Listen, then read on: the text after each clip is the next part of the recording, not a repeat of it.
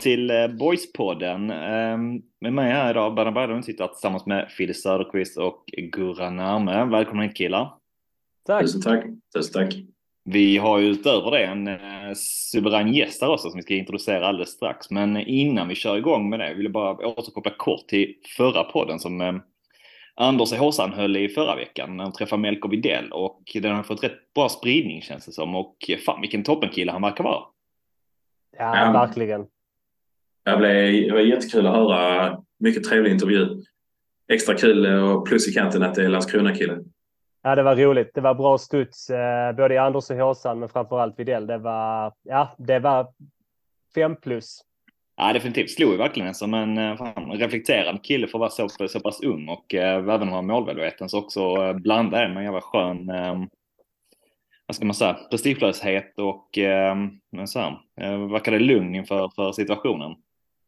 Ja, men jag sa ju det också till, eh, till er i ett annat sammanhang att jag tyckte i sin retorik och sin, eh, ja, kanske lite bakgrund också, så tyckte jag att han kändes mer eller mindre som en ny Filip Olsson.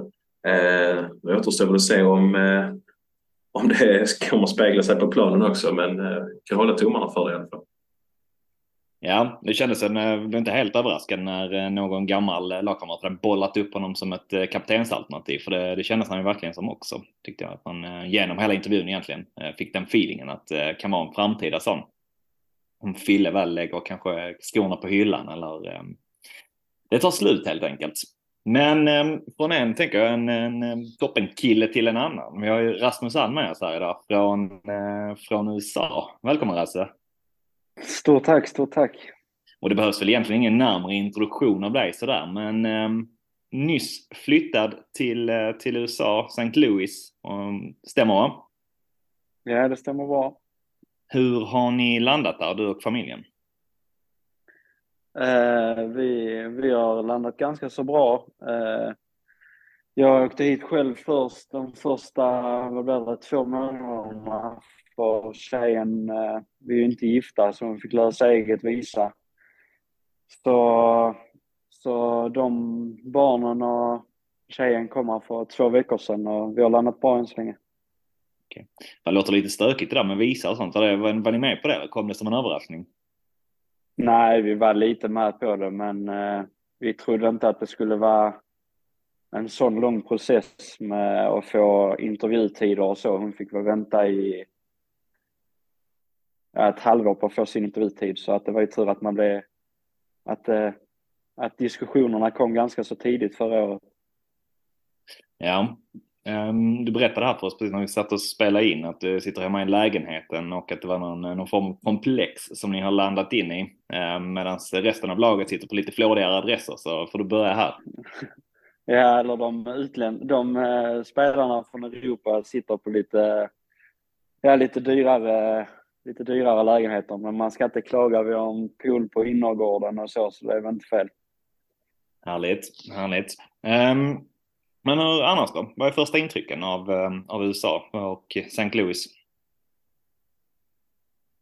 Eh, första intryck, eh, klubb, nystartad klubb, så mycket nytt. Eh, men eh, otroliga människor som verkligen, det känns som att man har känt dem i hela sitt liv. De liksom hjälpsamma och tar hand om allt och har, har du några frågor så hinner du knappt fråga innan de liksom ringer någon och löser det liksom. Så, så det har varit eh, magiskt än så länge och staden, det är en liten stad i USA, men här bor en och tre miljoner så jag vet inte om det är så smått som eh, i Sverige man är van vid. Så, men eh, än så länge så känns allting eh, superbra faktiskt. Är inte countrystad, St. Louis? Jag har fått för mig att det är någon sån ehm, klassisk med det, musik, musikstilen country, att det härstammar från St. Louis eller något. Nej, det, det vet jag faktiskt inte, men eh, det enda jag har läst på innan det är att det tydligen är ganska så kriminellt här, så vi får hålla oss i dessa eh, områdena som är lite lugnare. Men du sa det är en, en, en nystartad klubb. Är det liksom en sån här som har um, hållit till uppe i Milwaukee eller något sånt innan och sen så blivit eh, nedflyttade till St. Louis-klubben eller den är helt ny så att säga? Nej, det är helt nytt. Det är vad här säger de expansion team. Jag vet inte riktigt vad det är. Det är väl lite samma som NHL när de drar igång något nytt, men eh, ja, allting är nytt. Träningsanläggning helt nytt, arena helt nytt. Allt är liksom eh, byggt från, ja vad säger man, ruta ett. Så man kan inte få det mycket fräschare och bättre förutsättningar än vad vi, vi har fått. Men har det varit enkelt för dig som spelare att komma in i rutinerna? Har det liksom funnits folk som har varit eh, pådrivande och hjälpt er spelare att slussa in er så att det har varit enkelt att hålla er till era rutiner med träning och allt vad det innebär?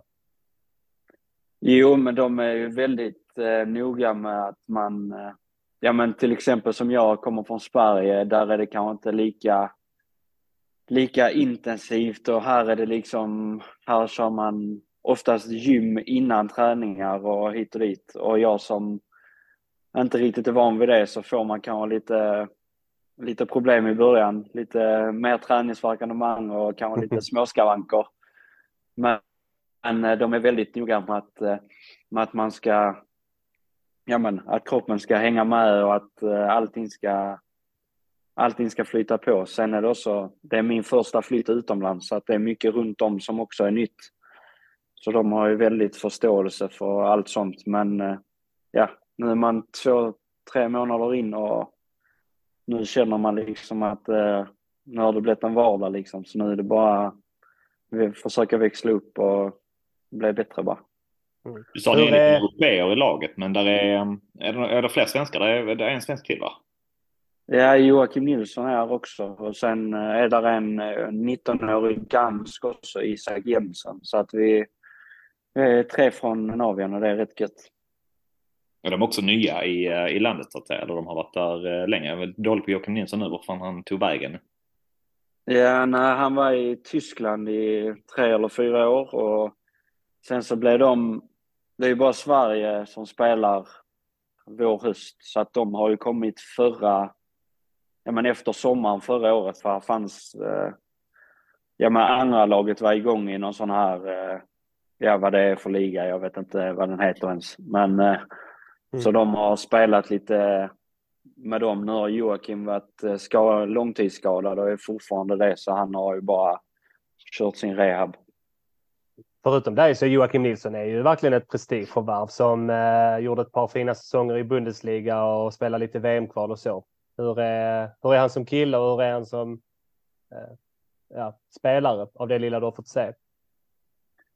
Nej, jag har ju mest bara sett han i den här, i en sån här, eh, vad heter det, sånt löpband som tar bort vikten, så jag vet ah. inte riktigt om jag kan.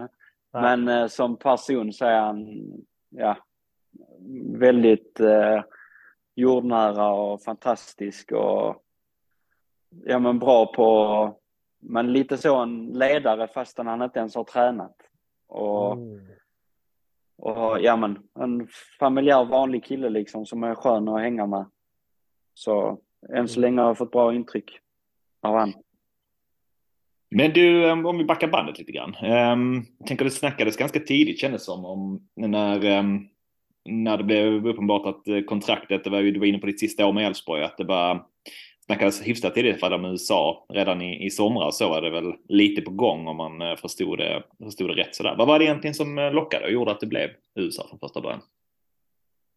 Nej, men det var väl, eh, vi hade ett, ett möte med sportchefen och tränaren här och några personer runt om klubben och ja men fick de visa upp eller så, vad säger man, projektet och hela klubben och staden och deras visioner och, och visa lite bilder på hur anläggningen skulle se ut och allt sånt och ja men om man skulle gått utomlands i Europa så hade man inte hittat så här bra förutsättningar. Så att eh, jag kände ganska tidigt och sen pratade man ju med Jocke också om det och han hade också bara bra saker att säga i och med att han hade varit här ett tag. Så det var egentligen inte så mycket att tänka på. Sen hade jag ju också Elfsborg ville jag ha kvar mig och det var ju det jag kände först att jag också ville. För att jag, jag och familjen trivdes bra där men sen, eh, sen kom det här upp och det var, det var li nästan lite för bra för att vara sant.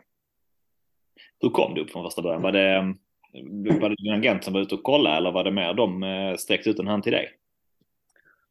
Nej, men det var nog lite både och tror jag. Men eh, jag tror att de hörde av sig till han och sen blev det ett möte och sen Ja, sen eh, var det nästan redan klart kändes det som.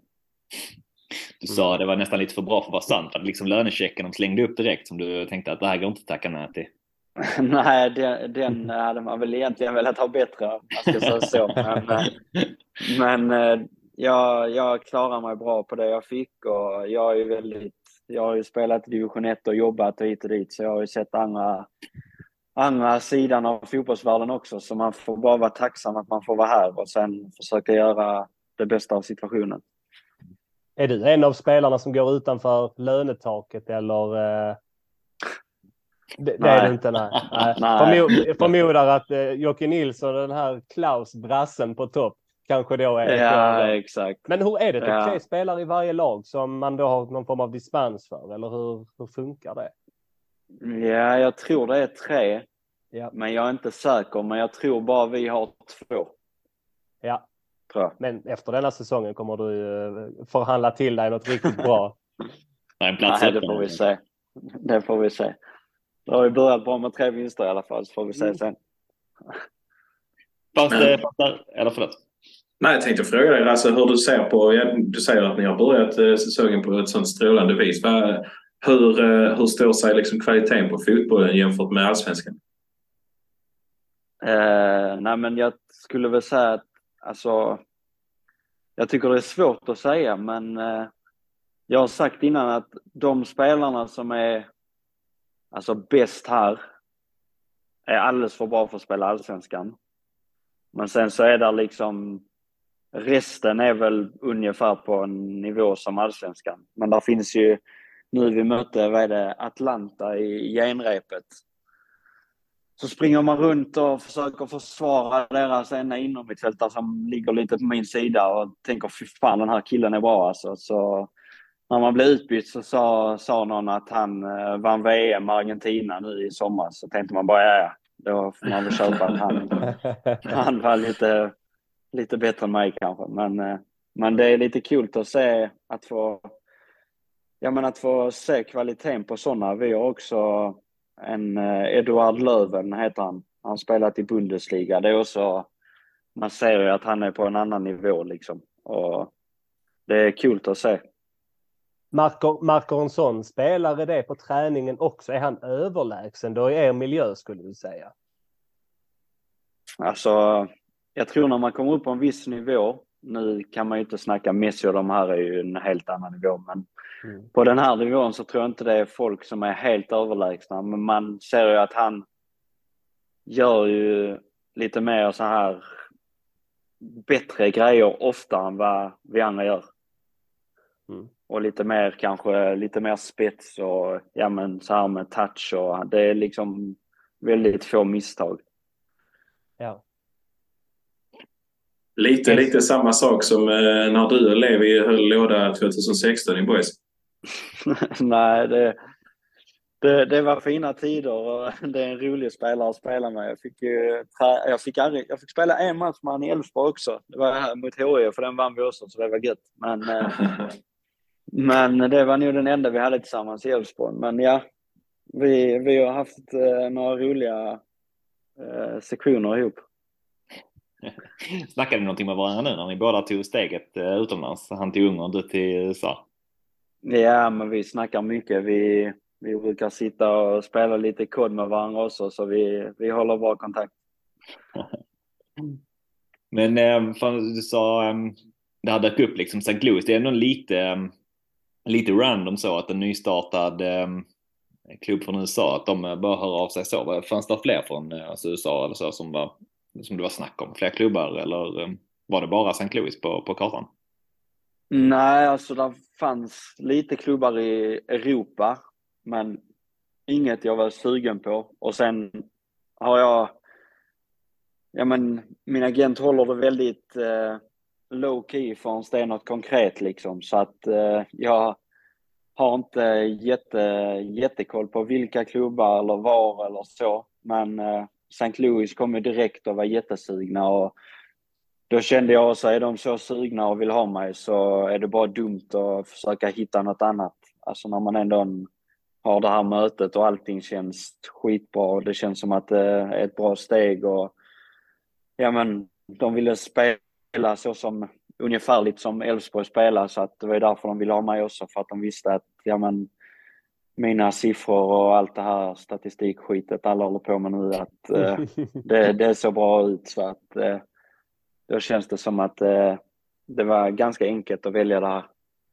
Jag, eh, mina, mina föräldrar eh, bor på Remigatan, precis som, eh, precis som din, din pappa. Jag såg faktiskt och snackade med honom. Det måste vara för typ två år sedan. Det vet jag vi snackade lite grann och då frågade jag honom om det fanns någonting och då, och då nämnde han att ryssen var intresserad, att det var något lag från Ryssland. Men eh, mm. stämmer det?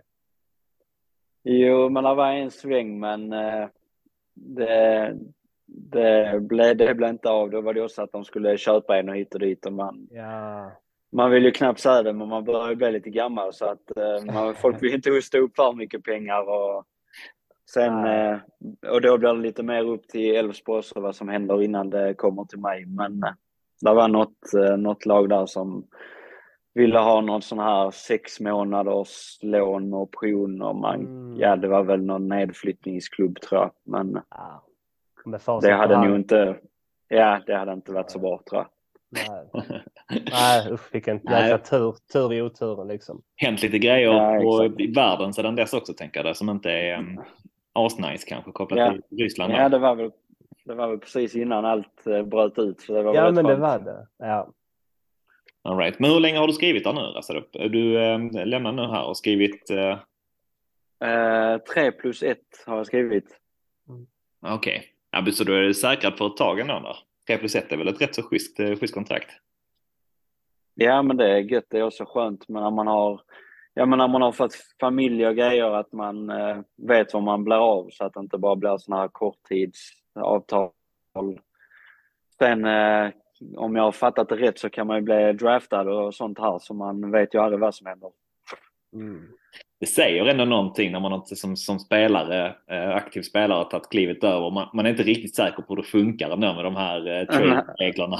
Det verkar, verkar nej, nej, exakt lite så är det, men eh, ja, man får väl, eh, man får väl bara se vad som händer och göra sitt bästa. Och gör man det tillräckligt bra så vill de ju ha kvar en, så då lär man ju stanna här.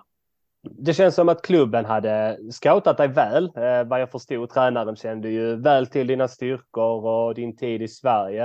Eh, vilken, vilken vision målade tränaren och klubben upp för dig? Vilken roll ser man för dig i, i, i denna nystartade klubben? Nej, men han har, eh, han har varit eh, ganska så öppen med mig att eh, ja, men i början så var det ju mycket att de snackade om mina siffror, att jag liksom är en hårt jobbande spelare och det är det de vill att alla ska vara. Så han, eh, det har han ju varit mycket på att jag, liksom även fast jag kanske inte är en ledare, eller så, vad säger man, verbalt. Mm.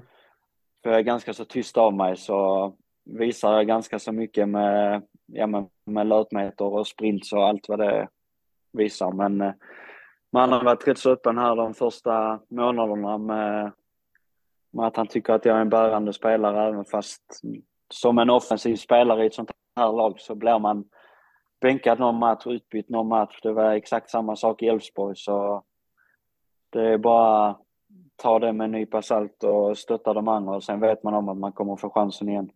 Såklart, och du har ju fått en, du har ju fått en bra start med mycket speltid och, och en assist nu senast också. När du tar dig ner fint på kanten och slår ett, slår ett bra inlägg som resulterar i mål. Det måste ju varit jäkligt skönt och fått liksom poängnollan och, och släppa. Ja, det var gött. Sen i andra halvlek där hade jag ju ett eh, nästintill friläge som jag brände, så då kom man ner på jorden igen. Men eh, det, var tur, det var tur vi gjorde mål sen när jag blev utbytt, så vi vann matchen. ja. Vad har du för, eh, för mål då eh, med den här ehm, flytten till USA?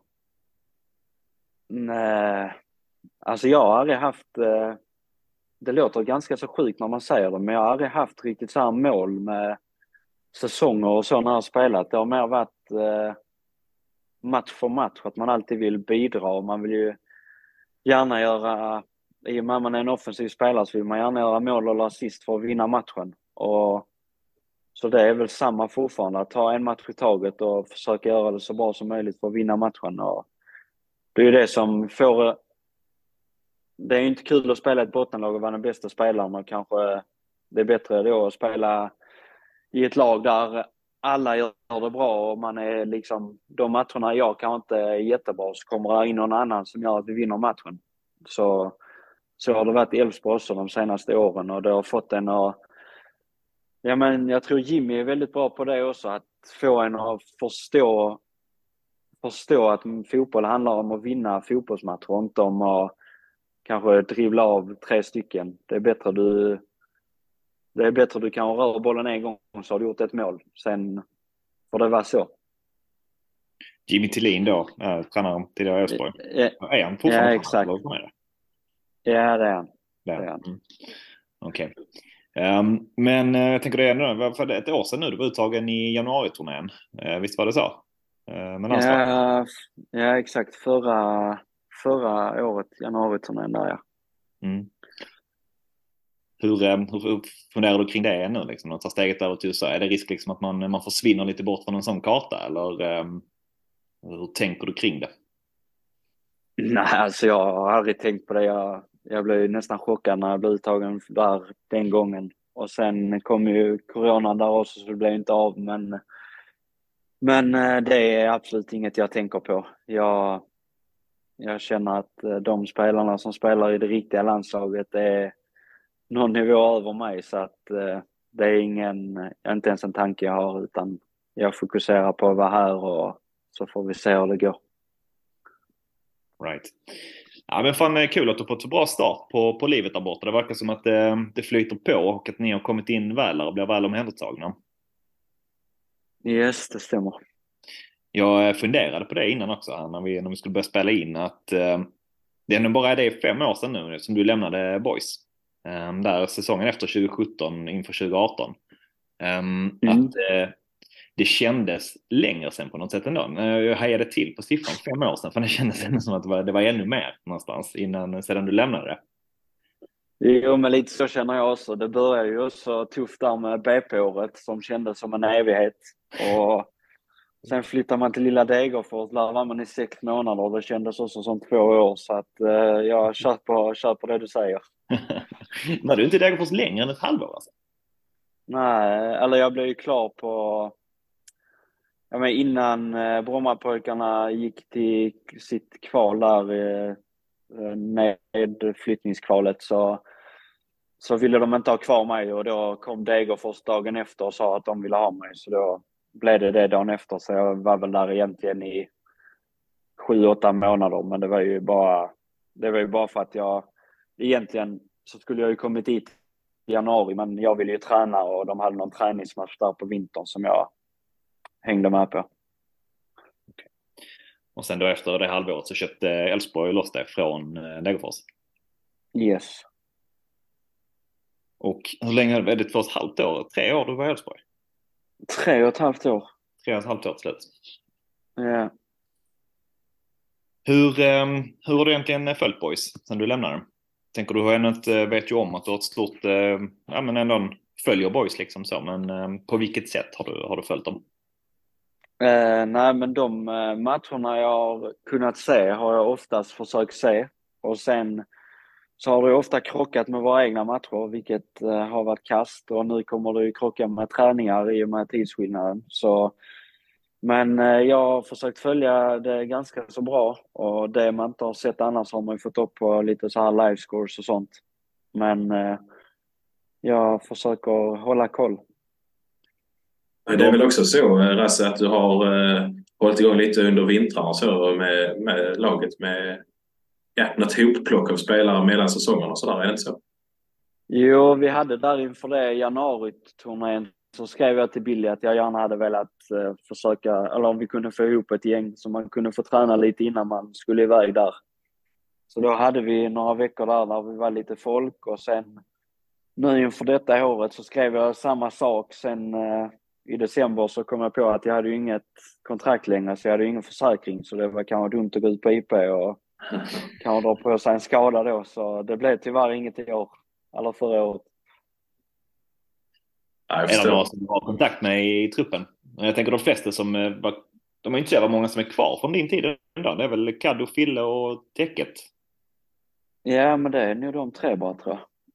Uh, men uh, där är, där är ingen nu som jag har så daglig kontakt med. Sen är det klart ibland så ja, reagerar man på någon story på Instagram och så blir det lite snack men uh, inget så, inget, ingen jag har daglig kontakt med så. Okej. Okay. Men um, vad fan, ska vi, vi kan väl bara riva av den nu alltså. Vad, vad fan hände egentligen när du lämnade? Du skulle inte lämnat Boys då, 2017? Mm. Nej, det blev lite eh, skriveri och lite hat och sådär, men eh, ja, det, ja, jag kan eh, förklara hur det gick till. det blev, jag för mig, när vi gick upp där så var jag ju skadad de sista matcherna. Mm. Och jag hade gjort det ganska så bra tycker jag och tänkte Ja, man hade några superettanlag på bordet redan eh, då när vi blev klara. Men eh, var väldigt tydlig med att jag vill inte gå till något annat superettanlag utan ska jag spela superettan så ska det vara i Landskrona. Så att eh, då var man ju tvungen att kolla uppåt och där var inget lag som var riktigt sugna då. Och sen eh, hörde Boys av sig så sa vi bara att som det ser ut just nu så stannar vi kvar för vi hade inget. Och sen när det eh, var en, jag var en timme kvar på den deadline-dagen så kom BP in i bilden och då kom det där allsvenska laget, jag, eller allsvenska laget som jag sa att om jag ska lämna ska det vara till, till ett allsvenskt lag. Och, och då, och då blev valet där för att jag ville, jag ville testa mig på högsta nivån så fort som möjligt i och med att jag ändå var, jag var 21 när jag lämnade tror jag. Så, så det var så det gick till. Så det var, det blev, jag blev lite chockad när det kom ut i tidning att jag redan var klar när vi inte hade sagt att jag var klar utan vi sa bara att vi hade inget nu så att så som det ser ut så, så skulle jag stanna men sen kom det och då blev det så. För eh, bilden man fick, eller som jag kommer ihåg att jag hade från det var väl lite mer att eh, det var en stökig vinter överlag i boys, om man säger så. Um, och att det var ganska mycket så här schismer om vem som skulle stanna, vilka spelare som tillhörde tränare, vilka som tillhörde mer ledare liksom. Men då, då låg bollen mer egentligen hos dig att du ville testa dig på, på högsta svenska nivå. Ja, exakt. Och jag kände att liksom, ja men, jag är redan 21 år och har spelat mycket division 1 de tre, fyra åren jag var i A-laget. Så, så jag kände också att jag ville, ja men, man måste testa och nu blev inte det steget jättebra. Men samtidigt så lärde man sig otroligt mycket. Sen blev det ett steg tillbaka och sen har det bara gått framåt sen dess. Så även fast det i facit i hand så var kanske inte det steget rätt att ta, men, eh, men det blev ju bra till slut ändå. Fanns alternativet på bordet att gå tillbaka till Boys efter alltså BP? Eh, då åkte Boys ner i division 1 tror jag. Om jag inte är fel på det. Ja, Boys åkte ur jag... säsongen där. Mm. Ja, exakt. Och sen var det också, jag kommer ihåg, jag gick in på kontoret i BP eh, och fick höra att de inte ville ha kvar mig och jag ville inte stanna heller för den delen. Så så, och sen tog det väl, ja, eftermiddag, kväll, dagen efter på morgonen så ringde, ringde de och sa att Degerfors var intresserade och sen var det, tog det väl en dag till sen var jag där så ja. jag hann ju inte riktigt eh, tänka på så mycket annat. Man fattar ju det steget också. Det kan ju vara lite, lite väl att gå, hoppa två, när du vet, när man som du har ambitioner upp, uppåt och sen så tar två kliv neråt igen. Det förstår jag att man inte vill. Men vad var det som egentligen, vad var det som inte klaffade i BP?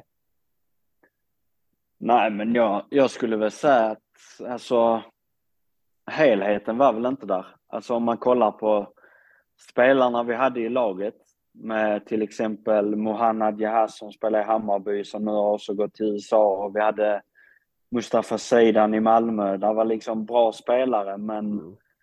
men ja, ny klubb i Allsvenskan och det funkar inte och sen för min egen del så spelar jag liksom lite höger, ytterback, wingback hela det året, vilket också mm. inte kändes rätt. Men det var inte det man fick höra i början och så kan det ju vara ibland.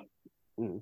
Och sen så tar du klivet då ner till, till Degerfors och där tvärtom gick det ju, där flög det ju ordentligt. Där gör du ju alltså succé. Vad var det som, vad var det som gjorde att det blev så bra i Degerfors?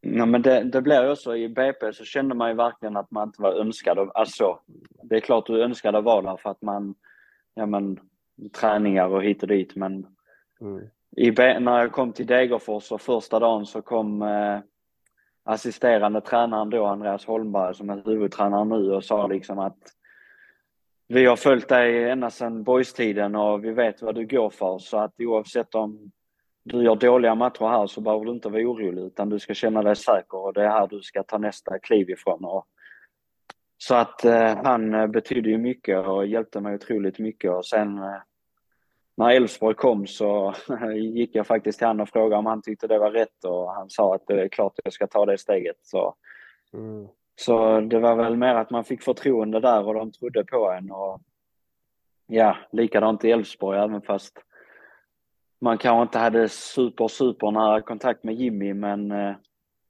man visste, jag tror han visste vad han hade mig och jag kände att man visste om att ja, ibland får man sitta bredvid men ofta så spelar man och det kände jag mig ganska trygg med för att oavsett om man börjar på bänken så visste man att man hade 20-30 minuter varje match. Så, mm, och det känns ja. ju även, även det som du beskriver att även om du började på bänken i vissa matcher i Elfsborg så är min känsla att du alltid var en väldigt viktig spelare. Håller du med om det? Jo, men det kände jag ändå. Sen eh, tycker jag att vi hade ytter, eh, ytterpositionen i Elfsborg var ju väldigt, eh, väldigt bra om man säger så. Med början med Jesper Karlsson, mig, Levi och mm. sen så kom Jakob och det kom Alexander Bernhardsson och det har liksom alltid varit, ja men, bara bra spelare där. Det har aldrig varit någon man känner att han här kommer aldrig få spela. Mm. Och det är nog också det som jag tror har varit bra, att man har Även fast man är lite, man fightas om den platsen så har det varit bra människor och bra spelare så att det har varit väldigt mycket att man pratar och försöker hjälpa varandra istället och det tror jag har hjälpt väldigt mycket, i alla fall mig, för då ser man saker på lite andra sätt också. Mm. Du konkurrerar väl lite grann med Jakob Ondrejka? Det måste ha varit lite speciellt. ja, vi spelar ju på olika kanter, men ja, eh, ja men eh, mm. Men han, eh, han, han jag kom väldigt nära och det, det är jag glad för idag. Mm. Blev du en eh, tydlig sån där, tog emot honom när han kom till Elfsborg och liksom hjälpte honom att komma till rätta? Ja, han är, vi är ju lite olika. Jag är ju väldigt eh, tyst och lite så försiktig, eller speciellt i grupp när det är mycket folk och det är det ofta i ett lag. Men, men han är ju väldigt framåt och ska vara lite så clown och så. Så att eh, han, eh, han löste nog det mesta själv. Jag ska inte ta, jag ska inte ta åt mig allt för mycket. Var ser, du, ehm, var ser du honom nu då? Hur bra är han egentligen? Och vad, vad, tror du han kommer att ta vägen? Det har ju snackats mycket om honom. Jo, men eh, jag har sagt till Janne hela tiden att han kan bli hur bra som helst. Men eh, man, man måste ha huvudet med sig och det, det, är något jag, det är det enda jag tycker han kan jobba på. Att liksom oavsett om nu när jag har spelat där så har han kanske börjat på bänken för mycket. Och då tar det så hårt på han för att han vill spela. Och det är liksom, i den här världen så ibland får man bara köpa det och göra, eh, kämpa på. Till slut kommer det. Om man går och surar och kanske skiter i att ja, men göra sitt på träningar så ser det inte bra ut utan ibland så får man bara tänka att tränaren är en idiot och så bara visa det man vet att han vill se istället. Men precis, det är jätteintressant. Märkte du det som ändå var med honom i en träningsmiljö, att han kunde ta det hårt och att det påverkade honom i det dagliga arbetet som är kanske det viktigaste? Jo, men lite gör det. Men sen vet jag också att han är sur den dagen. Sen dagen mm. efter så vill han gå ut och köra över alla. Mm. Så att det är lite så här. Han, istället för att ta det hårt den dagen så kanske få den gnistan direkt och kör istället. Men eh, nu, nu kommer det nog bli annorlunda för han eh, detta året om jag har förstått träningsmatcherna rätt och han själv rätt. Men han har, eh, han är otroligt bra. Det finns inga, alla jämför med Jesper Karlsson men jag tycker det är lite taskigt, eller inte taskigt men jag tycker inte de är, nu har jag spelat med båda så jag tycker inte de är jättelika. Men eh, det enda Jesper Karlsson har som kanske Jakob saknar just nu det är att eh, den, eh, den jävlen kan göra poäng hur som helst och var som helst ifrån. Eh, vilket, eh, vilket han gör i Holland också. Det, Stora mål i helgen liksom. Det ja, ja. klassas som. Det är, Herregud, det är bara, bara drömmål. Det är helt sjukt. Ja, det är helt sjukt. Och, och, då, och det undrar man också som, om det är medfött eller om det är liksom möjligt att träna upp. Och precis som du säger, han gör ju poäng konsekvent mm. hela, hela, hela tiden. Eh, och det är ju det som lite har varit Jakob Ondrejkas kanske då akilleshäl, att han har varit extremt bra, men det är en spelare som bedöms väldigt mycket på sina poäng och för att kunna ta nästa steg, likt dig eller Jesper Karlsson, så, man blir, så är poängen, det är ju centralt för att kunna ta nästa mm. steg och hålla på, på högre nivå. Ja. Vad tror du han behöver utveckla där i spelet? Nej, nej men jag tror inte, jag tror Jak Jakob ska inte tänka så mycket på det tror jag, utan det handlar också mycket om att känna att man har förtroende och nu har han kanske startat en, två matcher och sen har han blivit bänkad igen. Och mm. som en 19-20-åring så börjar man kanske tänka lite mycket medan Jesper Karlsson kom, fick sin riktiga chans när han var, vad var han, 21, 22, 21 mm. något där. Och då är det liksom, då spelar han varje match oavsett om han gjorde poäng eller inte. Sen gjorde han ju poäng i 11 matcher i rad eller vad det var, slog något rekord i Elfsborg, jag vet inte. Så jag tror Jakob bara behöver liksom, han behöver spela. Så kommer det bli mer avslappnat och sen kommer inte han tänka så kommer det bli poäng och mål. Det hoppas vi på. Um, det finns väl fortfarande möjlighet till ett klirr i kassan där för boys också om de, om de lyckas sälja honom också. Om de inte ska mm. pissa iväg där. Han ska gå på gratis efter säsongen. Nej, vi får hoppas det. Han har väl också bara detta året kvar tror jag. Tror han sitter på utgående också efter säsongen tyvärr. Ja. Eller för Borgs del tyvärr i alla fall. Ja. Men du, alltså, jag tänker vi ska börja runda av här. Uh, fan vad kul att du ville vara med. Vi fick snacka med dig en liten stund. Ja, det var kul att jag fick vara med. En ja. sista fråga som måste ställas. Kommer du spela i Boys igen? Uh, jag har pratat lite med om min flickvän att vi någon dag ska flytta hem och gärna innan uh, innan jag inte pallar spela mer. Så ja. jag har väl en liten dröm om att göra det, men sen så med fotbollsvärlden så vet man aldrig vad som, vad som kan hända tyvärr. Så är det. Tar boys klivet upp nu så kanske det bara blir tre år och sen vända hem. Det är perfekt 30 år. ja, exakt. Ja, vi får se. Ja. Låter som en dröm. Fan Gurra, jag trodde du skulle fråga honom om Ladan, att det skulle vara sista frågan. Hur, eh, ja, ni spelade fan tillsammans. Ni hade ju en god relation där. Ja, den är ju intressant. Jag, vi, jag intervjuade, jag och Fille intervjuade Nikola Ladan inför, eh, ja, när han precis hade kommit till Boys. Och det var, jag var ju yes. sjukt spänd och var helt säker på att det skulle bli en drömvärvning. Men det blev magplask. Hur var han under din ja. tid tillsammans med honom? Uh, alltså jag spelade med han i tre månader i Degerfors. Sen drog han ju sitt korsband tror jag det var. Mm. Och de tre månaderna så, känd, så var det ju, ja men då var han ju den som styrde liksom spelet i Degerfors så att han var ju hur bra som helst. Och, och sen utanför planen också magisk människa. Och ja, det vet ju förmodligen du som har pratat med honom. Men eh, ja, det var, väl, eh, det var väl också det jag sa till Billy och sen hade han väl pratat med andra tränare han hade haft och hit och dit. Sen blev det ju tyvärr inte så bra men Ja, det var synd. Jag hade önskat att det blev bra så man, eh, man, man kanske en vacker dag om han hade fortsatt spela fotboll, att man hade kommit hem och fått spela med han igen. Men ja. nu har han ju lagt skorna på hyllan så ja.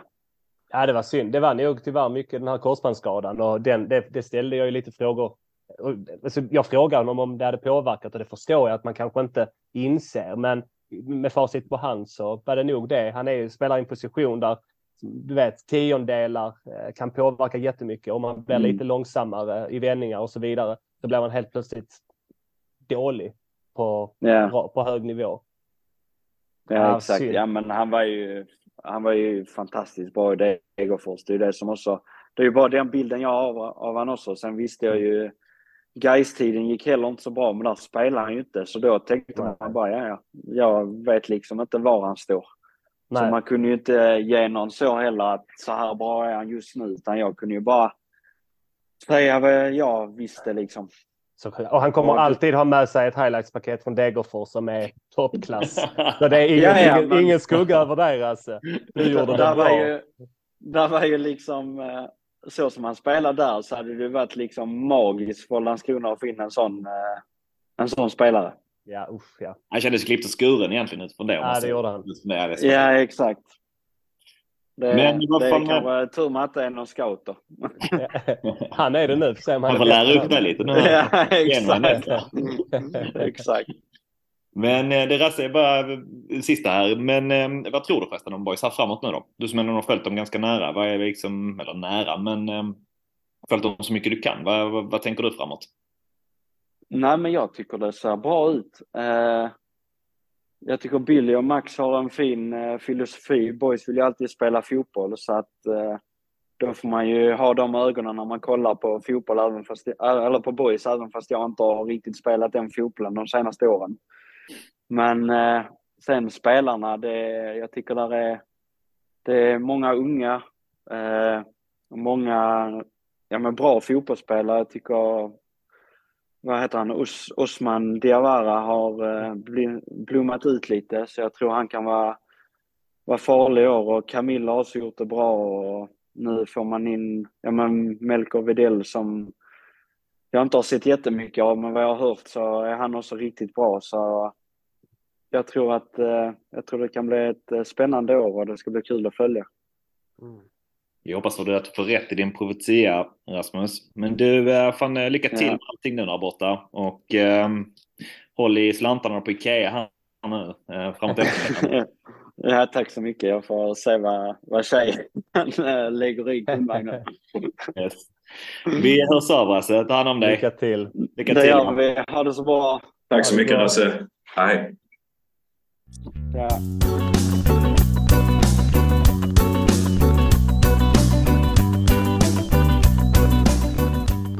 Yes, och nu är vi tillbaka här utan eh, Rasmus på tråden. Men eh, fan, man slås av det. Han är också eh, superfin ju. Sitter och snackar med en stund. Ja, Kul att ja. höra att han har kommit in så bra också. Ja, härlig kille som man eh, alltid tyckte väldigt, väldigt bra om när han spelar för Boys.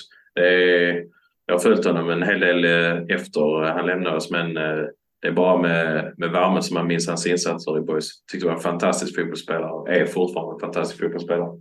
Eh, ja, man men, verkligen honom ett ordentligt sånt här äventyr. Jag skulle precis säga det är väldigt välförtjänt att han får ett sånt här, eh, ja men som du säger, äventyr. Det är, det är härligt.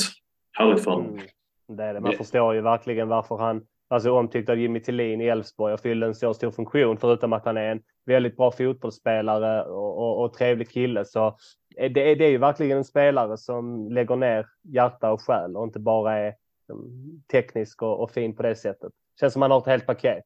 Ett stort hjärta. Definitivt. Um, men eh, om vi ska vända blickarna mot uh, svartvitt så um, har Boys idag här dragit på träningsläger till Spanien efter att uh, förra helgen avslutat cupäventyret mot uh, Örebro med förlust och sedan slagit Olympic hemma i den senaste träningsmatchen. Um, räknade ihop här lite. Innan vi satte oss och Boys Stone har hittills spelat eh, tio matcher. Tre förluster, tre kryss, fyra vinster. Um, mot, eh, ja, det som sticker ut mest är väl eh, BP-matchen på det positiva och sen eh, DIF såklart och Örebro kanske på, på det mer negativa hållet. Men um, hur är känslan att ser så här? Nästan hela försäsongen klar. Vad, eh, vad, vad är det första som slår er liksom med boys idag? Alltså det jag tänker är ju att eh, de här blandade resultaten. Och de här blandade prestationerna kanske framför allt, det eh, indikerar ju att Boys inte, inte är mer än ett sjätteplacerat lag i, i nuläget. Liksom. Och att det, det får helt enkelt ta den tid som det behövs och foga samman det här nya laget. Just nu, eh, trots att eh, nyförvärv, nästan alla nyförvärv pratar om allsvenskan och sånt. Just nu har jag väldigt svårt att se det. Eh, jag tycker att det är alldeles för mycket upp och ner i prestationer. För mycket, mm, jag vet inte. Eh, nej, jag, jag, känner mig inte, jag känner mig inte alls lika övertygad som spelarna att det skulle bära till allsvenskan redan nu. Det, det gör jag inte. Ja, det är jätteintressant. Eh, som, du, som, ja, som ni är inne på, som statistiken säger också, så har det varit blandade prestationer. Men fan, jag, tycker, jag tycker ändå, jag, jag kommer ihåg inför förra säsongstarten, då var jag väldigt pessimistisk. Och jag är inte lika pessimistisk denna, denna säsongen, utan snarare mycket mer optimistisk. Och äh, ja, men BP då som, som någon form av höjdpunkt under försäsongen och det var, det var med, med, med sorg i hjärtat som vi tappade äh, Melker Heijer, men det har ju kommit in en ny Melker som ser ut att vara riktigt fin, äh, som kanske har ännu högre höjd i sig. Vem vet? Men äh, det, det, är nog en spelare som kommer äh, kunna vara en av dem som skjuter oss upp i allsvenskan kanske. Men såklart, det, det, det, det är tidigt. Men med större optimism denna säsongen eller inför denna säsongen för egen del. Vad tror du är det som gör att du är mer optimistisk inför denna, eller nu inför denna säsongen än, än inför förra? För jag kommer ihåg att jag snackade om det. Jag, jag delar mm. din känsla nämligen från, från förra året att jag var nog mer pessimistisk då. Ja, men precis. Jag tror faktiskt att inför förra säsongen så hade vi ju tappat alltså verkligen nyckelspelare som jag inte kände att man fyllde upp med ersättare som, som jag kände mig trygg med att komma, spelare som kommer gå in och leverera, utan det var snarare spelare underifrån som inte riktigt var beprövade som, ja, men, som växte in i kostymen. Men denna, denna försäsongen så tycker jag ändå att det har gjorts ett bra jobb, att vi har varvat in spelare som jag känner i alla fall kan gå in idag och, och göra skillnad. Och tittar man då till exempel att vi tappar Heijer så ja, men vi, vi får in spelare som jag tycker kan gå in och Eh, ersätta och kanske till och med då med, med lite mer smak på sikt. Jag tänker lite så här att förra säsongen så hade vi ju alltså väldigt stor ruljans på våra alltså wingback-platser. Och att jag känner att till vänster har vi kanske hittat att det är Dahlqvist som eh, går först i ledet, men till höger så känner jag inte att förbättringen som kanske hade behövts göra från den snor, snurran i fjol, att det har åstadkommits än så länge ja, Stridert har väl kanske, leder kanske racet framför eh, Vincent i nuläget. Men jag vet inte om, om Strid inte var tillräckligt bra förra säsongen för att leda det.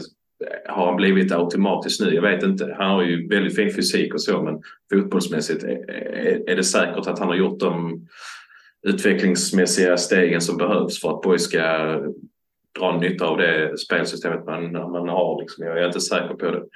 Och sen eh, en annan sak till som du sa att vi alltså tappet av nyckelspelare. Jag, att vi ska ersätta både Melker Heier och eh, Filip Buttosson. Alltså det, det är två superspelare som vi har förvisso fått in fina ersättare men mm. att tro att man bara kan stoppa in två nya spelare på de positionerna, det är inte alls säkert. Det vet vi att det gjorde vi ett försök när vi skulle ersätta Al som gick till Helsingborg. Liksom. Det, är inte, det är inte bara att ersätta honom, även om Ottosson gjorde det bra i sexanrollen.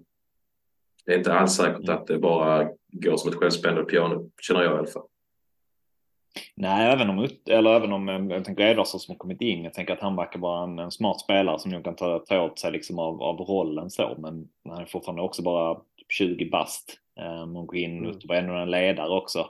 Eh, lite som Rasmus tänker jag som berättade innan om en ledare i det tysta men eh, som, eh, som alltid tog fighten och blev ju framförallt också jävligt mycket bättre i det defensiva spelet tänker jag. Där han var en nyckel mm. med att bryta mycket, mycket boll från, från motståndarna.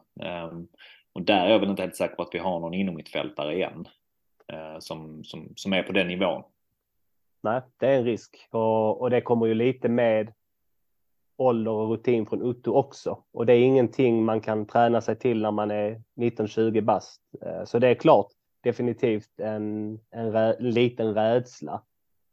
faktiskt. Mm. Ja, för någon, jag vet inte, så här, det är väl... Du var inne på de ytterbackarna innan wingbacksen. Jag tänker att de får också mycket, det läggs mycket ansvar på wingbacks i, i ett boys, eh, i boys spelsystem. Um, där mycket av liksom anfallen ändå, ändå kommer därifrån. Uh, sen vill boys hålla, knacka boll på mitten och spela in i fina ytor. Men till och sist är det ofta uh, wingbacks som, um, som står för kanske en av de sista om man säger hockeyassisterna, eller den, den typen av passning.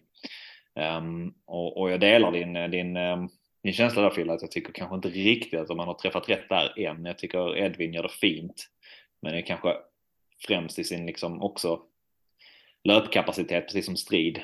Um, att, och i kombination med att jag tycker att våra mittbackar än så länge kanske inte har uh, visat att de uh, de är så pass bra så att de alltid ska gå in och starta. Så, eh, men jag funderar på det, jag tycker mer och mer ändå börjat tänka mig att e är 4-3-3 kanske melodin som borde vara framåt för boys? Eller ska man köra vidare på den här 3-4-3 uppställningen? Vad, vad, tänker ni om det? Man har egentligen man har inte rört 4-3-3 under denna försäsongen. Nej, alltså jag var väl inne på det för något poddavsnitt sen att jag, jag saknar ju 4-3-3 lite grann. Um, just uh, för att jag vill ha, alltså, jag vill ha in en till inom mittfältare. Jag tror att vi kanske behöver det många gånger. Speciellt med tanke på att vi har ganska orutinerat mittfält och så här. Men eh, å andra sidan så eh, du, alltså duger våra, våra mittbackar till att bara vara två? Jag vet inte. Alltså, förra säsongsupptakten gjorde du inte det. Liksom, det, behövde ju, det var ju främst en defensiv orsak som, var tvung, som gjorde att vi var tvungna att ha tre stycken i mitten snarare än än vad det var just det offensiva. Nu tror, jag, nu tror jag dock att det är kanske mer av offensiva skäl som man väljer att spela med, med tre mittbackar på grund av ja, passningsvägar och så här. Um, ja, jag, jag, vet inte vilket ben jag står på där. Jag, jag har inte riktigt bestämt mig. Uh, det, det är svårt, det är det. Finns det någonting, eh, åt mer än vi varit inne på lite, lite frågetecken, mer åt det positiva hållet som har stuckit ut för er den här försäsongen? Någon, eh, någon, någonting i spelet, någon, någon spelare, um, någonting ni tar med?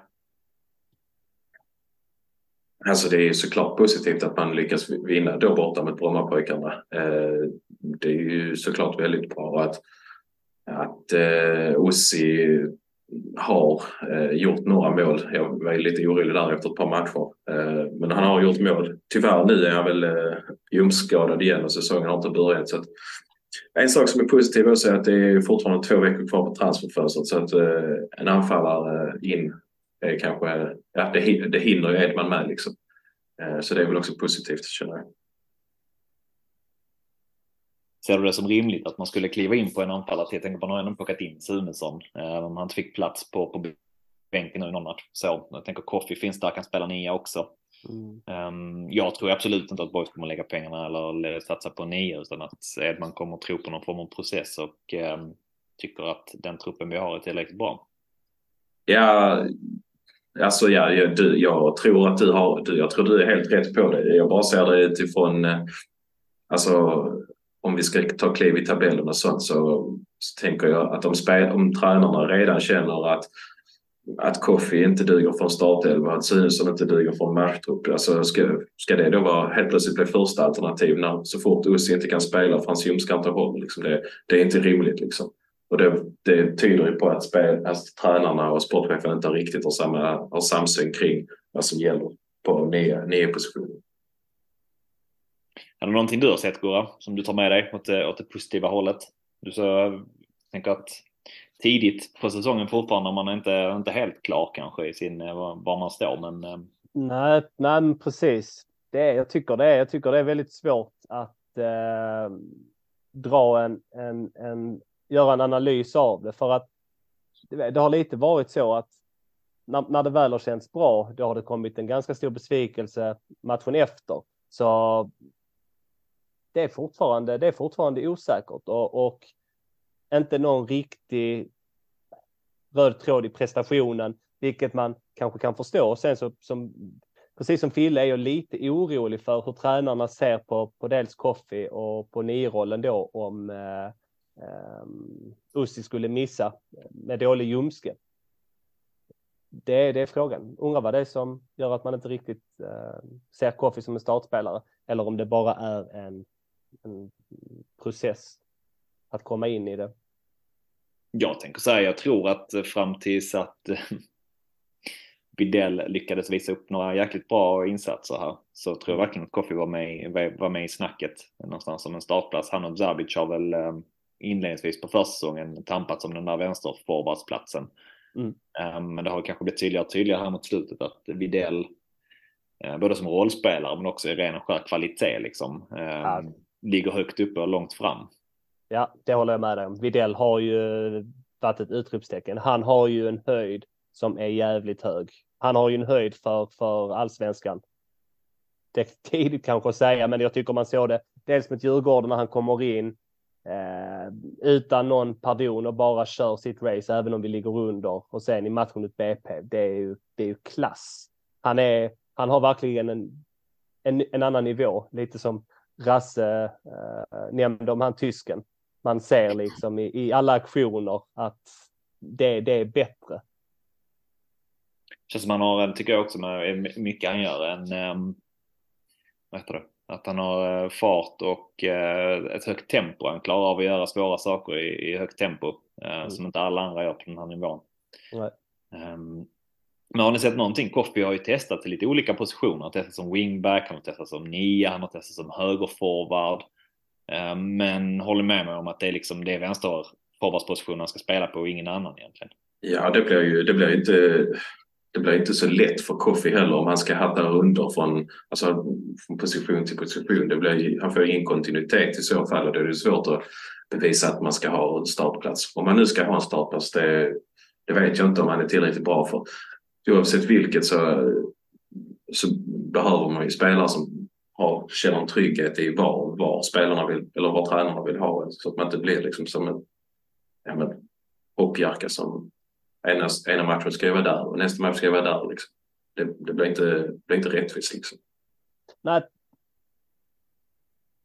Nej, precis. Och jag tror att det kan, kan påverka spelare i en ganska stor utsträckning också. Det här, men också som Rasse var inne på, att man känner ett förtroende och även om man gör dåliga prestationer, att man fortsatt får ett förtroende och att som då i BP blir använd på fel position. Det kanske för tränare kan det vara enkelt att, att, testa och kasta in dem på en annan position, men jag tror att på något sätt så kan det nog ändå påverka och såra en, en, en individ och en fotbollsspelare som ofta är ganska egoistisk och man tycker att men det här är mina positioner, det är här jag vill spela, det är detta jag tycker är roligt. Så jag tycker nog faktiskt att man ska att man ska hålla, nu har man provat det, nu, nu får det räcka. Så får man eh, satsa på, på Koffi, antingen då som en vänsterspelare eller som en, en nia. Och precis som man gjorde med Ussi förra säsongen. Han pendlade ju lite mellan att spela vänster och nia. Men det blir för mycket att hålla på på fyra positioner. Jag tror jag nästan att man kan, kan känna en osäkerhet och otrygghet och att fan vad jobbigt, vad ska jag spela idag? Så ja. Men eh, Edman har gjort sitt första fönster också. Vi har varit inne på det lite grann här. Du snackar Fille om att han eventuellt inte drar har helt samma tankar som, som vår tränarduo. Men eh, facit hittills är ju ut då Allen Smajic, Admin Linnér, Viktor Wihlstrand, LRO, Blixt, Erik Persson, Dennis Olofsson, Utto och Heijer. Medan på insidan då är Vincent Sundberg, Kofi Asare, eh, David Edvardsson, Max Nilsson, Melko Widell, eh, Sunesson och Perelman. Um, överlag nöjda, önskat mer? Man vill ju alltid ha mer. Uh, Tittar man på så är det ju. Jag tar det går. Nej, men alltså, om, man, om man ser det då ur någon form av, om, om, man, om man först och främst ser det ur Boys perspektiv. Det har varit tydligt att man vill föryngra. Det har man lyckats med. Så Boys ambition och vision, det, det har man lyckats med. Men frågan är om det, det återstår lite att se om vi har fått in tillräckligt med kvalitet för att väga upp för så pass mycket rutin och mål och matcher i tröjan som vi faktiskt har gått miste om. Det återstår att se. Det är jag inte riktigt säker på.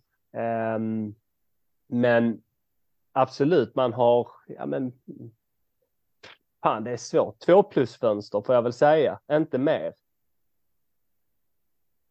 Ja, men jag, Vad tycker du Fille? Nej, men jag är nog lite inne på det där. Alltså, samtidigt är fönstret inte stängt. Så det, jag, vill inte, jag vill inte säga helt och hållet än så länge. Men i, nuläget kan jag hålla med dig för att jag känner, jag känner inte att den här truppen ska liksom ta oss till allsvenskan den här säsongen. Alltså använder spelarna själv den måttstocken så måste vi, ut, alltså vi medlemmar också använda den måttstocken. Så det är en självklarhet liksom.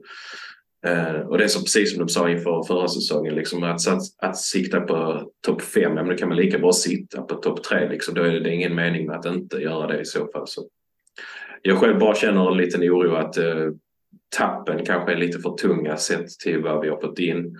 Och till det här att, eh, eh som vi pratade om innan, att kanske inom mittfältet kanske inte kommer riktigt Ja, men ska vi bara ha två man på innermittfältet så kanske inte vi har riktigt eh, speed, ettrighet eh, som jag hade efterlyst i Säffle.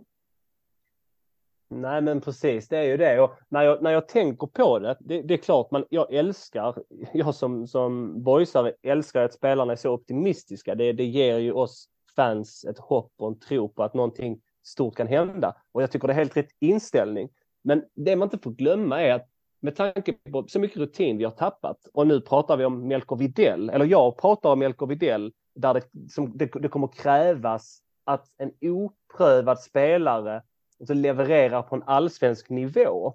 Och samma då med Edvardsson som eh, inte heller har supermycket rutin eller matcher och, och, och åldern som, som talar för sig. Så vi, det kommer krävas väldigt mycket av spelare som har väldigt lite rutin där vi faktiskt inte kan gå in och kräva så mycket.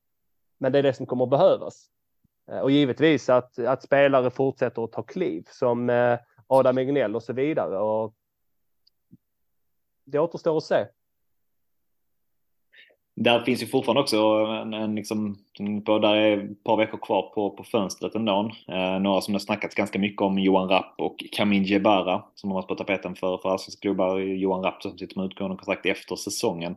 Ser ni någon, någon risk att någon av dem lämnar innan fönstret stänger eller är det locket på där så att säga?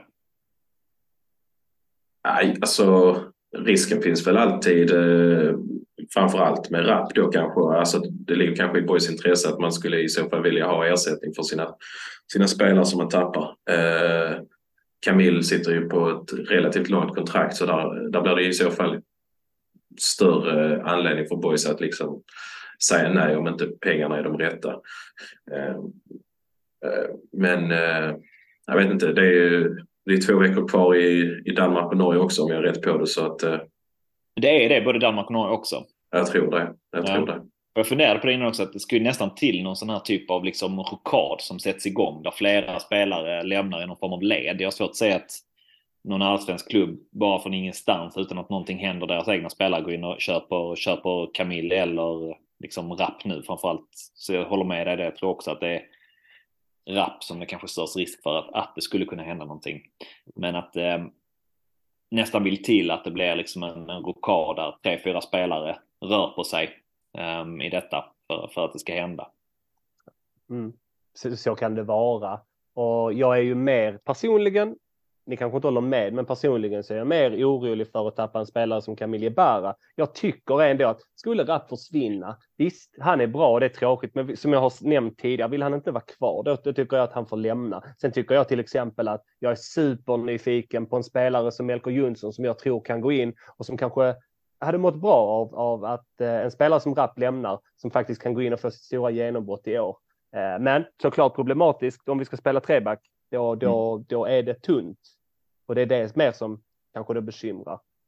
Och Perelman har väl inte hittills eh, dratt ner applåder. Däremot tycker jag att Alex Brandt eh, Erlandsson har sett eh, det lilla man har sett av honom. Det ska man ju verkligen ha med att det är liksom division 1 motstånd eller division 2 motstånd till och med. Men ser ju självklar ut i mycket av det han gör. Sen så verkar han vara skadebenägen. Men annars så känns det som att det är en form av eh, ja, eventuell eh, guldklim.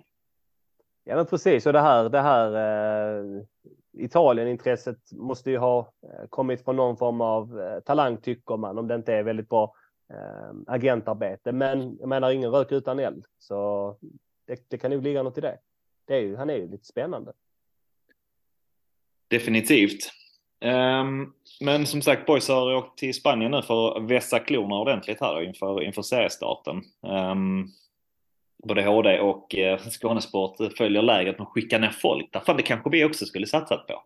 Dratt ihop någon sponsor och skickat ner. Ja, ni två kan ju ta det. Ni som inte har småbarn hemma så kör ni grabbar. ja, det hade varit riktigt gott. Påsarna Anders får betala. Så ja. drar vi.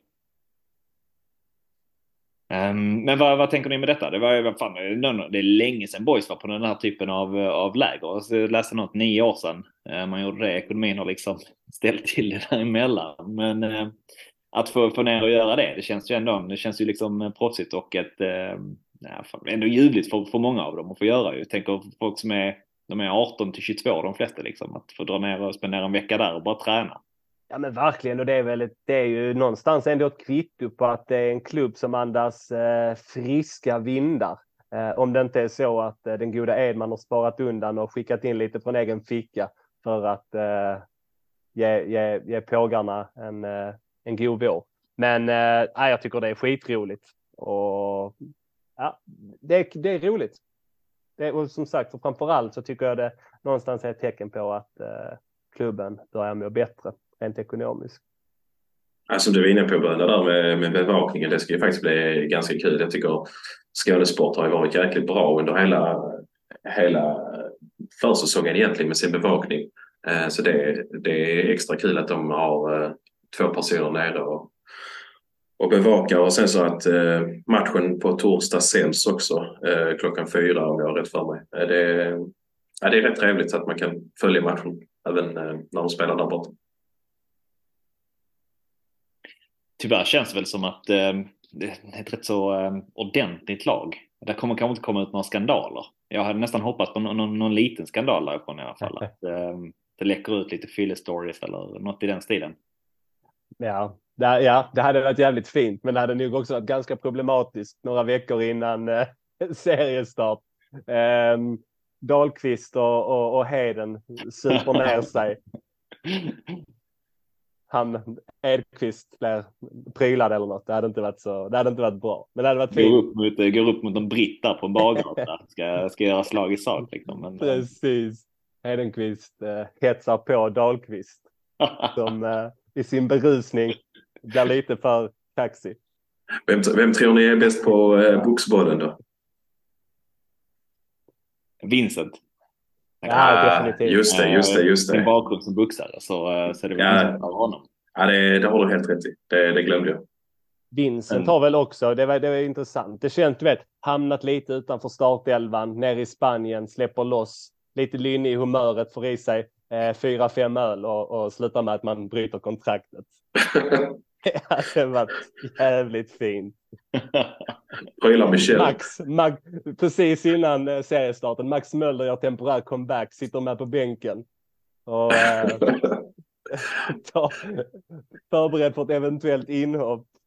Ja, vi får hoppas att eh, de dagarna är förbi eh, med sådana fylleskandaler. Det har vi haft eh, rätt många av i Boys åren. Så. Ja, det, det, det, är som ni säger, det känns ju verkligen som att eh, den här unga, unga gruppen, unga generationen är jäkligt proffsiga målmedvetna. Så det är, det är nog ingen större risk. Nej, Nej, jag tror inte det heller. Och den största risken för det känns väl nästan som, jag tror inte Ekmark skulle åka ner från, från Skånesport själv. Men han känns ju annars som den största liksom, potentiella faran för hela truppen. Att han skulle liksom dra ihop någonting. 100 shots på bardisken. ja, det är väl Gabbe då, praktikant Gabbe på borta på Skånesport är väl kanske inte lika, jag vet inte om han är lika aktiv i det.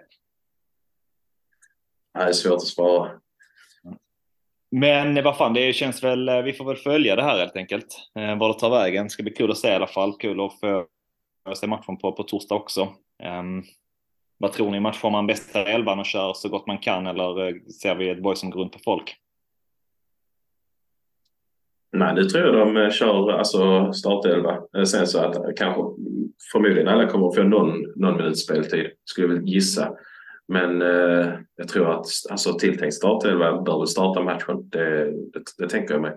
Alltså det är ju bara två matcher kvar till serien börjar så att eh, mm. Ja, det är väl genrepet mot, mot Mjällby sen eh, helgen därpå. Mm. Det, det, är, det är riktigt nära. Det är bara två, lite drygt två veckor till premiär så det går snabbt. Ja, det, Mm. ja, det gör det. Um, läckte väl ut idag, eller läckte och läckte, det var väl, men uh, Osman hade någon, eh, någon skada. Jag vet inte, han inte läsa hur allvarligt det här var, men han hade någon uh, ljumskbekymmer. Ja, precis. Det var lite det jag tänkte också när jag menar att, eh, att boys får väl hålla ögonen öppna nu i slutet på transferfönstret. Liksom. Um, för det är inte bra om innan tävlingssäsongen liksom. Och vi har tilltänkt en nia redan. Har problem. Vem tror ni tar det nu då på torsdag? Vem startar i nya position om inte Osman kan spela? Det rimliga är väl egentligen att sätta den raka ersättaren som är då är Sunesson. Men, frågan är om, om tränarna har liksom förtroende. Å ena sidan så leder han interna skytteligan och å andra sidan så fick han inte vara med med Brommapojkarna i truppen. Så att, ja, jag vet inte riktigt. Eh, Jag vet inte riktigt hur, hur hans status är men ja, han är väl invarvad för att konkurrera på nummer nio positionen och så det, det är väl det rimliga liksom. Mm. Och mål och mål kan han ju uppenbarligen göra, vilket, är- vilket är positivt. Så jag, ty- jag tycker också man får ge honom chansen. Om Och sen- Ussi är borta. Ja, och sen är det väl också så att Ko- Kofi ligger väl också dela detta i skytteligan. Så att det, Det skulle, tre mål tror jag. skulle kunna vara att man väljer att köra Kofi istället. Det, känns ju lite märkligt när man sitter och pratar kring två spelare som verkar inte riktigt ha förtroendet, men de är ändå lagets bästa målskyttar. Eh, ja, men precis. Det, det är intressant och jag undrar egentligen hur, ja, men hur både då Koffi och Sunesson mår. Om man har en, en bra dialog med Billy och Max eller om de känner sig frustrerade och irriterade och vill ha mer. Eh, det är klart, det, det, så är det ju alltid, men undrar hur man får ihop det. Det är ju tuff konkurrens på de positionerna ju. Det är alltid någon som får vara missnöjd. Definitivt. Sen är det väl också, jag tänker nu Kristiansund då, norska, vi åkte ner från högsta ligan, eh, spelar i, i superettan i Norge då. Jag tänker beroende på kanske hur man, eh, hur man har gjort den scoutingen och vad man ser att de är för lag och eh, hur pass hög nivå de håller så tänker jag är det ett, ett bättre bolltryggare lag så kanske man väljer att köra som eh, då eh, Sunesson istället som verkar vara skicklig på det här med att pressa och sätta, liksom styra det uppifrån. Eh, Men alltså man tänker att man ska mer äga matchen så är det kanske Koffi som blir ett alternativ i så fall. Att man väljer lite beroende på vilken, vilken matchbild man förväntar sig. Är, är Widell matchfit? Bra fråga, jag vet faktiskt inte. Nej. Det, Mm. Men eh, det verkar väl inte vara något allvarligt med honom utan mer än eh, så här man, man tog det lite lugnt två matcher efter, man, efter att han har överbelastat lite. mm. Men det vet man inte heller var det utvecklar sig. Nej, precis. Det har man ju hört förr. Jag tänker ni som är Arsenal-supporter, man kommer ihåg Rosicki, hans eh, förbannelse där med att han skulle vara borta en vecka. Sen blev det ett par år ändå. Ja, Så vi får väl se med Widell. Men- Diaby också. Eh, det, var, det var som spelare med en otrolig höjd. Ja, definitivt. Jävlar. Men eh, jag tänker vi ska börja runda av här. Um, otroligt kul att ha haft er med. Snacka lite, snacka lite boys även om de är iväg på läger och man inte har jättemycket som har, som har hänt än. Så var det fint att träffa er och fint att ha, ha med Rasse på tråden. Så tack ska ni ha för det. Tack själv. Superkul. Jag tänker till alla lyssnare, eh, tack till er också. Eh, och på återhörande så säger vi heja boys. Hej boys! Heja boys! Du kan lita dig tillbaka Du kan drömma lite grann Som om Gud var lika randig Han som sinne din sida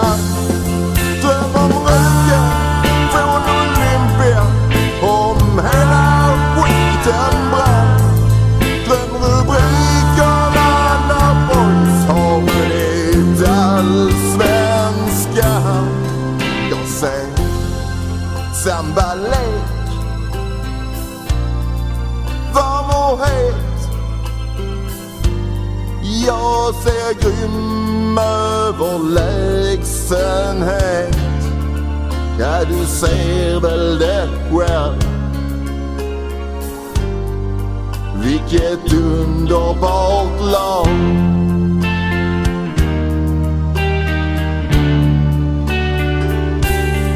Ja, du ser väl det själv. Vilket underbart land.